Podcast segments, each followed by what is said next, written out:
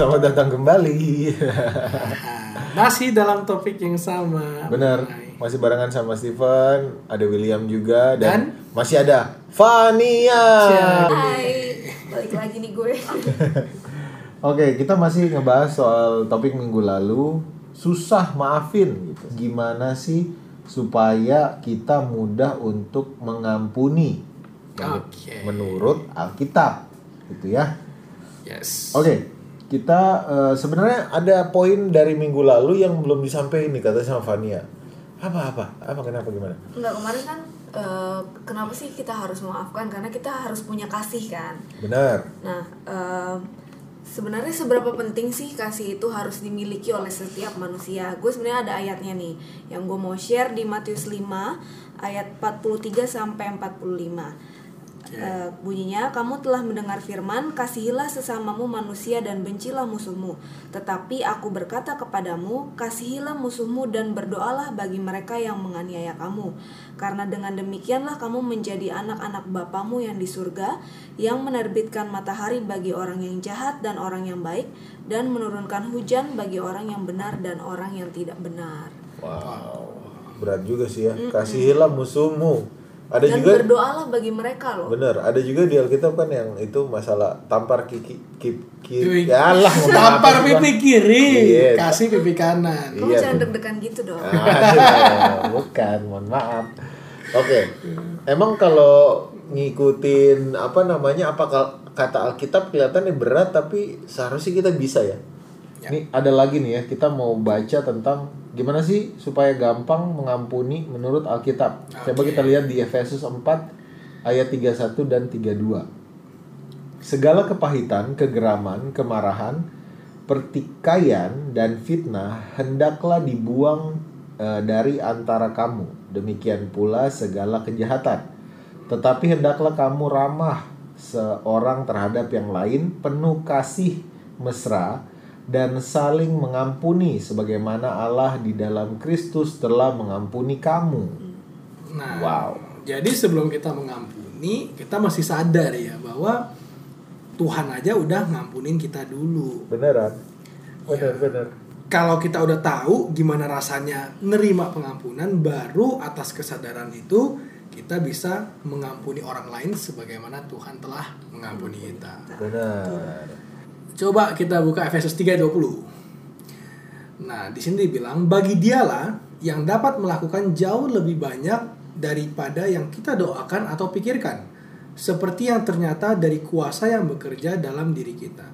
Nah, gue jadi ingat tadi yang Pania baca tuh di Matius kan bahwa kalau dunia bilang bencilah musuhmu, tapi kalau Allah itu kasihilah dan doakanlah mereka. Oke. Secara manusia Berat, ya, bro. realistis aja itu nggak mungkin betul ya kan itu impossible itu terlalu baik untuk Seseorang manusia yang penuh daging ini ya. ya dan kayaknya itu itu nggak nggak mungkin tapi dari ayat ini Efesus 3:20 kita lihat bahwa ya memang kita manusia nggak bakal bisa tapi harus ada kuasa di luar manusia Oke. yaitu kekuatan Allah yang bekerja dalam kita Benar, benar, benar, benar, benar, benar. Dan kita ini sebenarnya hanya bisa mengampuni, nggak bisa pakai kekuatan kita tadi kan. Udah gitu pakai kekuatan Allah. Nah, kalau udah maafin standarnya itu standarnya Allah, itu berarti standarnya adalah standar kasih ya. yes Ini kita balik lagi ke kasih yang kemarin kita sebut-sebut ada sabar, ada Murah hati. murah hati, memaafkan, suka keadilan. Ini standarnya berarti standar Tuhan nih, standar kasih. Coba kita bahas lagi tentang kasih ini di aplikasinya ya Hmm. gimana? Aplikasinya ada di Yesaya 43 ayat 25. Aku akulah dia yang menghapus dosa pemberontakanmu oleh karena aku sendiri dan aku tidak mengingat-ingat dosamu. aduh. Itu underline bold italic tuh kayaknya. Tidak mengingat-ingat dosamu. Gue gue inget ya waktu gue tuh udah maafin orang gitu kan. Terus gue ngomong sama adik gue gue sih maafin dia tapi gue tetap ingat Tapi gue nggak lupa gitu. tapi gue gak lupa gue Oke. maafin gitu tapi di sini kok ayat ini bilang malah kalau udah maafin jangan ingat Oke. Lanjut kita bahas ayat lain nih. Ada ayat Oke. di Ibrani 10 ayat 17. Coba Fania. Ibrani 10 ayat 17 dan aku tidak lagi mengingat dosa-dosa dan kesalahan mereka. Lagi-lagi nih Tuhan mau kasih tahu bahwa dia tuh nggak pernah ingat-ingat dosa kita loh. Ya. Kalau kita udah minta ampun, dia udah lupa, lupa, lupa gitu ya. Coba Lukas 17 dulu deh. Lukas 17 ayat 3. Lukas 17 ayat 3. Gimana Pak? Jagalah dirimu, jikalau saudaramu berbuat dosa, tegurlah dia, dan jikalau ia menyesal, ampunilah dia. Jadi kalau bersalah harus ditegur ya. Kita wajib loh itu ya Iya, menegur. menegur. Oh, Dan berarti- kalau udah menyesal diampuni. Berarti ini tahapannya beda nih, nggak cuma oh ya udahlah di diperlakukan apa aja kita maafin, nggak gitu ya ternyata ya. Ya. Ternyata ada tahap di mana kita harus negur nih kepada orang yang berbuat salah. Ya. Oke, itu juga tugas kita tuh. Tapi abis negur, udah negur, udah maafin. Oke, lanjut. Lukas 17 ayat 4. Bahkan jikalau ia berbuat dosa terhadap engkau tujuh kali sehari, dan tujuh kali ia kembali kepadamu dan berkata, aku menyesal, engkau harus mengampuni dia.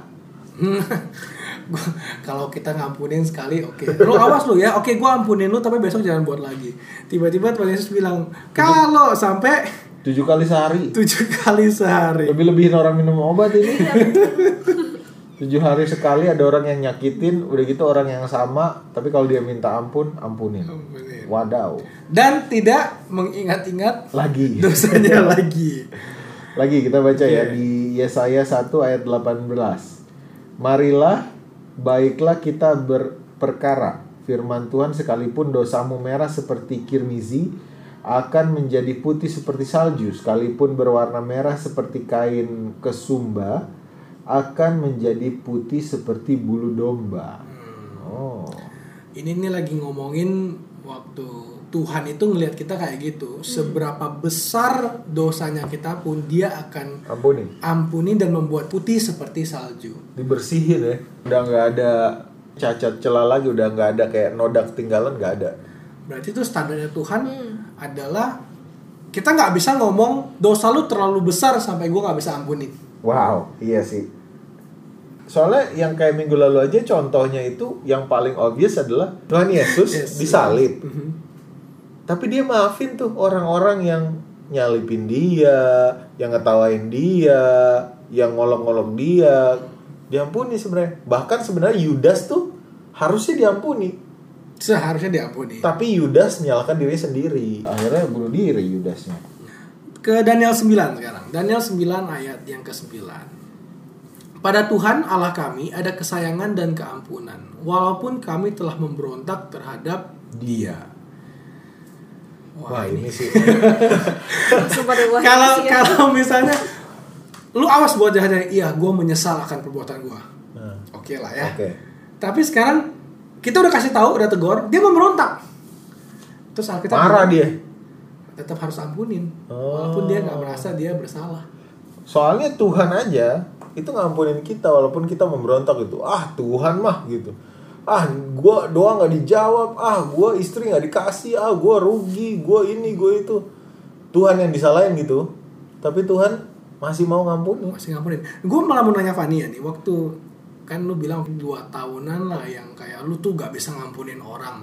Itu lu ada bisikan gak sih dari Tuhan sebenarnya kayak ngasih-ngasih tanda atau apa buat lu tuh ngampunin orang pada waktu itu? Oh iya jelas pasti gue nggak akan bisa kayak akhirnya let everything go terus mengampuni melupakan kalau nggak dari Tuhan sih. Karena kayak Tuhan kasih Steven juga buat gue kayak untuk ngasih tahu harusnya tuh lu bisa mengampuni lo kan lu harusnya mengasihi gitu. Jadi kayak diajarinnya melalui Steven gitu. Dan puji Tuhannya ya it makes sense. Dan sekarang gue udah bisa memaafkan dan melupakan. Tapi sebelum Stephen hadir ke kehidupan lu, pasti Tuhan juga ada kan bisikin Iya. suruh ngampunin, tapi Iya, lu berontak terus gitu iya kayak. iya dan maksudnya kayak ya emang harus bener-bener kayak mendengarkan sih kata-kata Tuhan jangan mengeraskan hati Dan walaupun lu berontak, Tuhan tetap nunggu sampai lu mau mengampuni. betul Oke oke. Bahkan Tuhan kasih momen di mana ini kayaknya kalau gue bisik-bisikin doang nggak bisa nih. Gue kasih dah orang nih iya iya iya.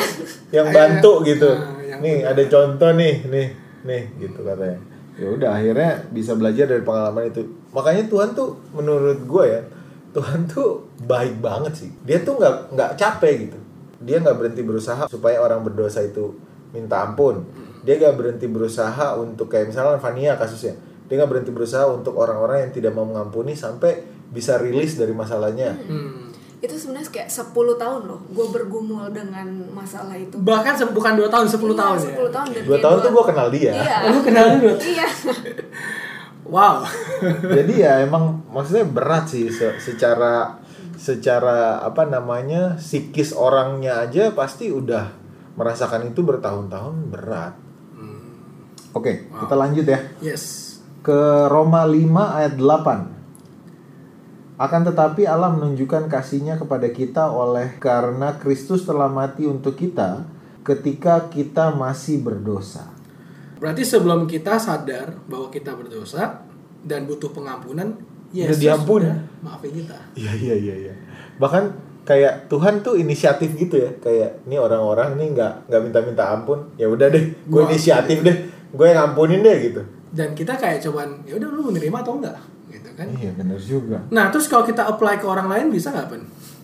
Jadi misalnya lu buat salah sama gua sebelum Ah. lu minta maaf, gua udah maafin dulu. sebenarnya nah ini kita tanya dari perspektif Fania deh yang Kenapa? soalnya soalnya gua itu zaman dulu punya juga Oke. perasaan tidak bisa mengampuni tapi nggak selama itu Nggak sampai 10 tahun. nggak nggak nggak lama gitu Oh. jadi gua bisa kayak tidak bisa mengampuni lalu abis itu gua eh, bertemu lagi dengan orang ini terus gua bisa melihat oh ternyata dia udah nggak kayak gini udah gitu Oh. Nah tapi ada orang-orang yang wow ditahan gitu apa pun yang dilakuin orang ini yang udah bersalah gitu mau baik mau kagak sama aja gitu di mata mereka. Hmm. Nah apakah kita bisa sebenarnya apply kayak misalnya orang ya udah nih kita udah rilis nih kita udah aman udah udah ngampunin Oke. terus tiba-tiba ada orang lain bikin salah lagi apakah kita bisa tanpa orang itu minta ampun Kita udah ngampuni. kita udah ya udahlah gitu bisa Gimana tuh, Fan? Fania? Eh, kalau secara manusia sih susah ya Susah. susah banget cuman ya itu tadi karena kasih Tuhan yang luar biasa sih mungkin kita bisa lihat eh, di ayatnya ya ada di Mika 7 ayat 18 sampai 19 Oke. Hmm? Siapakah Allah seperti engkau yang mengampuni dosa dan yang memaafkan pelanggaran dari sisa-sisa miliknya sendiri, yang tidak bertahan dalam murkanya untuk seterusnya, melainkan berkenan kepada kasih setia. Biarlah ia kembali menyayangi kita dan menghapuskan kesalahan-kesalahan kita dan melemparkan segala dosa kita ke dalam tubir-tubir laut. Wih. Dia nge- ngelemparin dosa kita, nggak inget-inget dosa kita tuh jauh, ke Jauh dalam tubir-tubir laut. Iya. Udah nggak ditemuin lagi. Jadi marah itu kayak Tuhan pun nggak pernah marah sama kita selamanya. Benar. Dan sepatutnya kita nggak marah sama orang juga selamanya. Selamanya. Betul. Oke.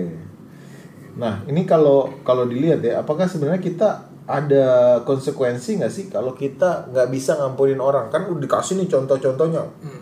banyak gitu sama Tuhan dikasih contoh terus sama orang Stefanus juga ngampunin orang banyak lah kayak yang ringan-ringan misalkan eh, cerita kita. Cerita kita ini masih ringan dibanding cerita Tuhan gitu. Kita masih bisa ngampunin orang. Nah ada orang-orang yang bertahan. Enggak pokoknya gua nggak mau tahu gua nggak mau ngampunin. Itu ada konsekuensinya nggak? Coba kita buka Matius 6 ayat 14 sampai 15. oke. Karena jikalau kamu mengampuni kesalahan orang, Bapakmu yang di surga akan mengampuni kamu juga. Tetapi jikalau kamu tidak mengampuni orang, Bapakmu juga tidak akan mengampuni kesalahanmu. Wah, berarti ini gimana cara kita kalau minta ampun sama Tuhan diampuni, kita dulu harus ngampunin orang. Ya, Kita dulu harus yang kayak ya kita bisa maafin gitu. Kalau enggak ya dosa kita nggak diampuni. Jadi ingat cerita yang yang minggu lalu yang hamba itu, dia kan udah terima pengampunan hutang tuh dari raja kan. Benar. Dia harusnya tuh ngampunin orang lain yang hutangnya lebih kecil. Tapi dia malah marah-marah Dia malah marah-marah, malah masukin orang itu ke penjara. akhirnya pengampunan itu ditarik sama Tuhan Ditarik sama si raja itu. sama ya. si raja itu ya Terus dia malah dimasukin ke penjara kan? Yes Si orang itu malah dihukum. karena dia udah terima pengampunan pun tetap gak bisa ngampunin orang lain Oke.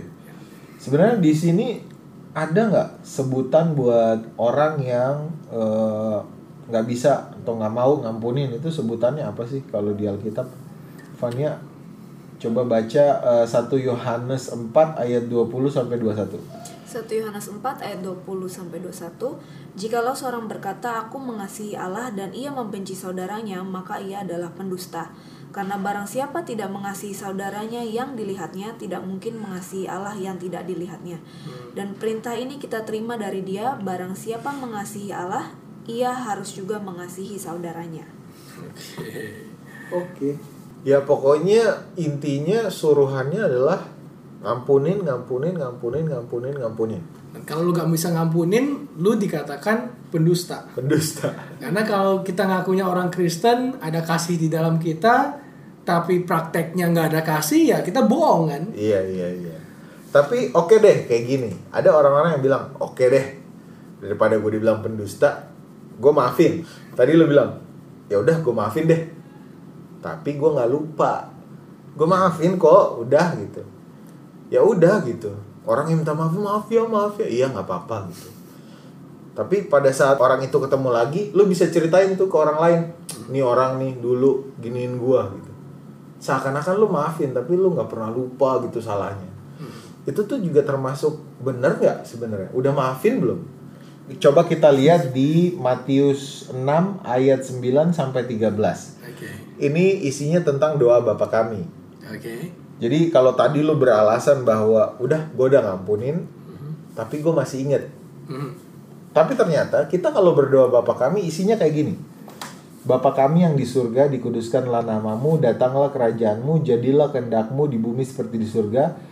Berikanlah kami pada hari ini makanan kami yang secukupnya dan ampunilah kami akan kesalahan kami seperti kami juga mengampuni orang yang bersalah kepada kami. Ini soal pengampunan tadi ya. Jadi kita terang-terangan bilang ke Tuhan pada saat kita doa, ampunilah kami akan kesalahan kami seperti kami juga mengampuni orang yang bersalah kepada kami. Ini kalau dibaca secara benar, ini sebenarnya doa yang rada bahaya buat orang yang ngampunin tapi nggak lupa. Karena gini, kalau kita udah maafin nih, konsep pengampunannya terbatas di mulut doang, tapi di pikiran nggak lupa, itu kita bilang juga ke Tuhan hal yang sama. Misalkan, Tuhan, maaf ya, kemarin saya berbuat dosa. Udah nih, minta maaf kan. Tapi pengen ditreatnya kayak kita ngampunin orang. Ya. Pengen ditreatnya sama gitu. Berarti Tuhan juga gini, oh iya, gue maafin. Tapi gue inget kok dosa lu Tapi gue inget kok dosa lu gitu. Tuhan, Tuhan jadinya nggak lupa dosa lu. Jadi pada suatu hari pada saat lu akhirnya ketemu Tuhan misalkan gitu, eh Stephen, kamu yang pernah bikin dosa ini ya? Kamu nggak jadi masuk surga deh gitu. Karena Tuhan dia nggak lupa. Ah, ini kayaknya kamu masih bikin dosa. Udah enggak Tuhan, aku udah minta maaf. Tapi aku masih inget kata Tuhan. kan repot jadinya. Jadi sebenarnya ya udahlah. Berarti itu juga bisa apply dong kalau di bisnis gitu ya. Bisa, bisa harusnya. Cuma mungkin kalau di bisnis adalah lu harus cek lagi apakah orang ini ngajak bisnis beneran kembali atau ngajak bisnis untuk nipu lagi. Iya. Tapi bener juga sih kadang kalau dipikirkan kayak Tuhan tuh dengan kita misalnya dapat berkat secara materi gitu ya. Terus kita eh, Tuhan percayakan terus kita kelola. Dan ada saat di mana misalnya kita itu Kena tipu. salah kelola, Hmm. akhirnya berkat itu ditarik sama Tuhan. Oke. ya misalnya kalau orang bilangnya bangkrut lah atau apa kita jadi gak punya uang atau apa dan kadang-kadang kan kita berdoa lagi Tuhan ampuni aku karena aku udah salah kelola dan biasanya kasusnya di mana Tuhan lihat kayak gitu Tuhan akan nunggu sampai kita siap untuk terima materi lagi siap untuk mengelola dengan baik baru Tuhan bukakan tingkat-tingkat langit untuk kasih kita berkat jadi kita lihatnya di sini dengan cara yang sama kita juga bisa treat orang kayak begitu Oke. jadi gue willing kok untuk berbisnis sama lu lagi. Gue udah gak inget yang lama. Oke. Tapi gue lihat lu belum siap untuk berbisnis sama gue dengan sifat lu yang belum berubah. Oh, oke. Jadi pada saat nanti Tuhan akan berbicara ke hati gue bahwa lu udah berubah, mungkin kita bisa start bisnis lagi sama-sama. Oke oke oke. Dan gue rasa di sini prinsip yang lu bilang tadi apply. Apply benar benar. Karena sebenarnya kalau dibilang soal oh ini mah lu nggak bisa ngampunin nggak mau bisnis lagi. Ya nggak begitu juga, nggak gitu gitu. Kalau dia tiba-tiba nuduh ah lu nggak bisa ngampunin gua gara-gara gua nipu, ya nggak gitu. Kita ampunin, cuman lu yang belum siap sekarang mau bisnis sama gue. Karena ada kan eh, apa ayat yang bilang mesti ditegur dulu. Ya. Iya kan, harus ditegur gitu. Bahwa orang-orang yang salah ini ya harus ditegur. Apalagi orang yang habis nipu hilang. Hilang kan dia. Set, lenyap gitu. Berapa tahun kemudian bisnis kita udah kembali bangkit setelah tertipu. Eh, dia kembali. Tara, aku mau datang berbisnis lagi gitu. Masa kita Walau kita belum sempat negur, iya nggak? Negur belum lu hilang? Aduh. Makanya dalam hal ini memang kita perlu sih untuk selalu komunikasi sama Tuhan untuk evaluasi diri kita sekaligus Tuhan sekarang orang ini yang pernah punya masalah sama aku ini belum beres masalahnya. Tuhan gimana Tuhan supaya aku bisa settle tapi tidak melanggar prinsip-prinsip mengampuni orang lain. Oke, Fania, eh, rasanya dari susah mengampuni, terus habis itu bisa mengampuni, sekarang mungkin udah nggak pernah mikirin hal-hal yang soal marah lah, soal apa namanya, soal tiba-tiba sakit hati lah, tiba-tiba dendam lah, itu udah nggak ada hal itu. Apa sih rasanya? lega banget sih lega banget bener-bener lega karena pas yang selama 10 tahun itu tuh gue kayak terus bergumul dan gue juga berdoa sama Tuhan kayak minta tolong gimana sih caranya supaya gue bisa em, mengampuni dan yang paling susah tuh sebenarnya part eh, ini sih melupakannya sih karena Padahal lu berdoa ya Tuhan Iya. gimana caranya mengampuni iya, gitu ya. mungkin kak, kak gue terlalu kayak egois untuk tidak mendengarkan suara Tuhan sih. Hmm. gitu. Jadi kayak gue berdoa dan akhirnya Tuhan jamah hati gue untuk bisa memaafkan dan melupakan dan even kayak sampai sekarang kalau misalnya orang itu berbuat kesalahan yang sama gue kayak oh ya udah gitu. Maksudnya kayak gue Udah bisa siap terimanya. iya gue bisa kayak ya udah kalau dia memang nggak bisa merubah gue kan bisa merubah diri gue untuk memaafkan dan melupakan. Dan itu benar-benar memberikan kelegaan sih. Tadi lu sempat bilang part yang paling susah adalah part Melupakan. melupakan. Berarti sebenarnya memaafkan dan melupakan itu satu paket, nggak bisa dipisah-pisah kan? betul betul Oke. Maafin dan lupain. Oh. Ayo teman-teman, dimaafin, dilupain mantannya. jangan lupa berdoa soalnya kalau pakai kekuatan sendiri tuh nggak bisa sih Oke. Dimaafin, dilupain. Jangan dimaafin pas orangnya datang eh inget kenangannya lagi. Oh, Waduh. balikan lagi. Ya. Itu kejadian lagi, marah lagi. Ah. Sama aja bohong. Oke, terima kasih teman-teman yang sudah dengerin podcast Belajar Alkitab. Boleh ngobrol-ngobrol sama kita lewat email di mana? William? Di belajar Alkitab Podcast. podcast at gmail.com Ya, sampai ketemu lagi minggu depan. Kita akan upload setiap hari Rabu ya. Terima kasih semuanya. Terima kasih. Oke, God sampai you. jumpa. Oh Lord, my God, when I in awesome wonder consider all the worlds thy hands have made, I see the stars. I hear the rolling thunder, thy power throughout the universe displayed. Then sings my soul, my Savior God to thee.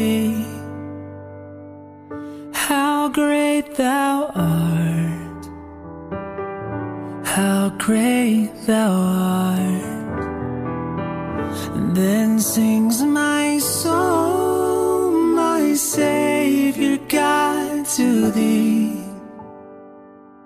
How great thou art, how great thou art. And when I think that God, his son, Bearing sent him to die. I scarce can take it in that on that cross, my burden.